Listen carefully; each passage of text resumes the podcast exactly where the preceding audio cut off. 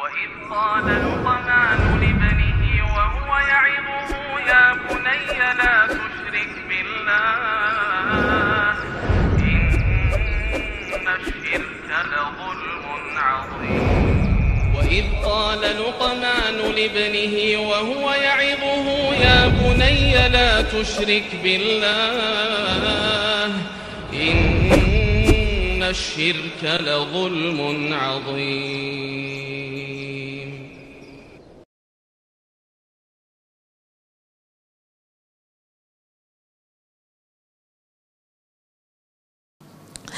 Hal yasihul khulu' ala hidanatil walad?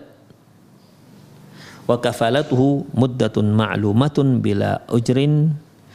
Apakah sah khulu itu dijadikan sebagai upah untuk pengasuhan anak dan nafkahnya?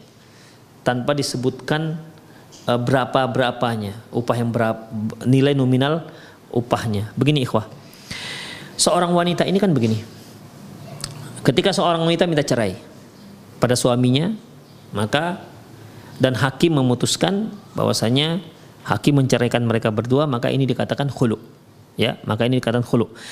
Khulu itu kan berarti si wanita harus mengembalikan maharnya ya mengembalikan maharnya kepada mantan suaminya kemudian juga ada beberapa uang yang mungkin dipersyaratkan oleh si suami ya kamu harus uh, pulangkan juga uang sekian sekian misalnya. Aku sudah banyak habis duit misalnya begitu kan ketika melamar kamu dan seterusnya dan seterusnya. Oke si wanita apa namanya me, mengabulkan. Ya maka terjadilah hulu pisahlah mereka fasah ya walaupun ada khilafiyah di kalangan para ulama apakah hulu itu talak ataukah fasah Taib. kemudian ikhwah kalau seorang wanita minta hulu bang aku minta cerai boleh? Boleh tetapi anak kita ini syaratnya kamu menyusui si anak dan mengasuhi dia tanpa aku beri nafkah. Gimana? Kata si kata si apa namanya kata si mantan suami. Boleh, aku akan ceraikan kamu, tapi anak kita ini bagaimana? Kalau kamu mau, ya kalau aku akan ceraikan kamu, ya karena permintaan kamu, tapi im, imbalannya adalah kamu harus menyusui dia dan mengasuh dia dan tanpa aku memberikan nafkah dan upah. Gimana? Setuju kata si istri, maka udah jadi. Ya.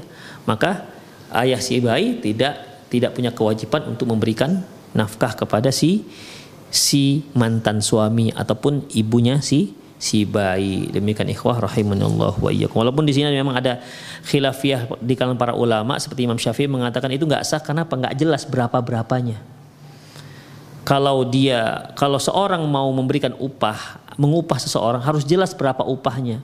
Harus jelas apa kerjanya. Nah ini kerjanya jelas yaitu untuk menyusui tapi upahnya kan nggak jelas berapa berapanya hanya sekedar hanya kalau ya aku akan penuhi uh, permintaan ceraimu tapi anak disusui dengan tanpa upah. Nah, begitu. Kan nggak jelas berapanya. Demikian ikhwah iyyakum. Allahu alam bisawab ya intinya ya dibolehkan ya dibolehkan uh, Adapun hadis yang mengatakan bahwasanya nah Rasulullah an istijaril ajir hatta yatabayyan lahu ajruhu Rasulullah SAW melarang e, menyewa seseorang, mengupah seseorang sampai jelas berapa upah yang diberikan. Hadis ini hadis dhaif, didhaifkan oleh Syekh Muhammad Nasir Al-Albani. Jadi intinya Allah alam bisawab kalau memang itu kesepakatannya, akadnya begitu antara suami istri yang minta cerai dengan suaminya, yaitu dengan syarat dia harus menyusui anaknya tanpa suami harus memberikan upah susuan atau upah pengasuhan, maka disetujui, maka terjadi. Demikian. Berarti setelah itu suami tidak lagi berkewajiban untuk memberikan upah penyusuan ataupun upah pengasuhan. Demikian ikhwah rahimanallahu wa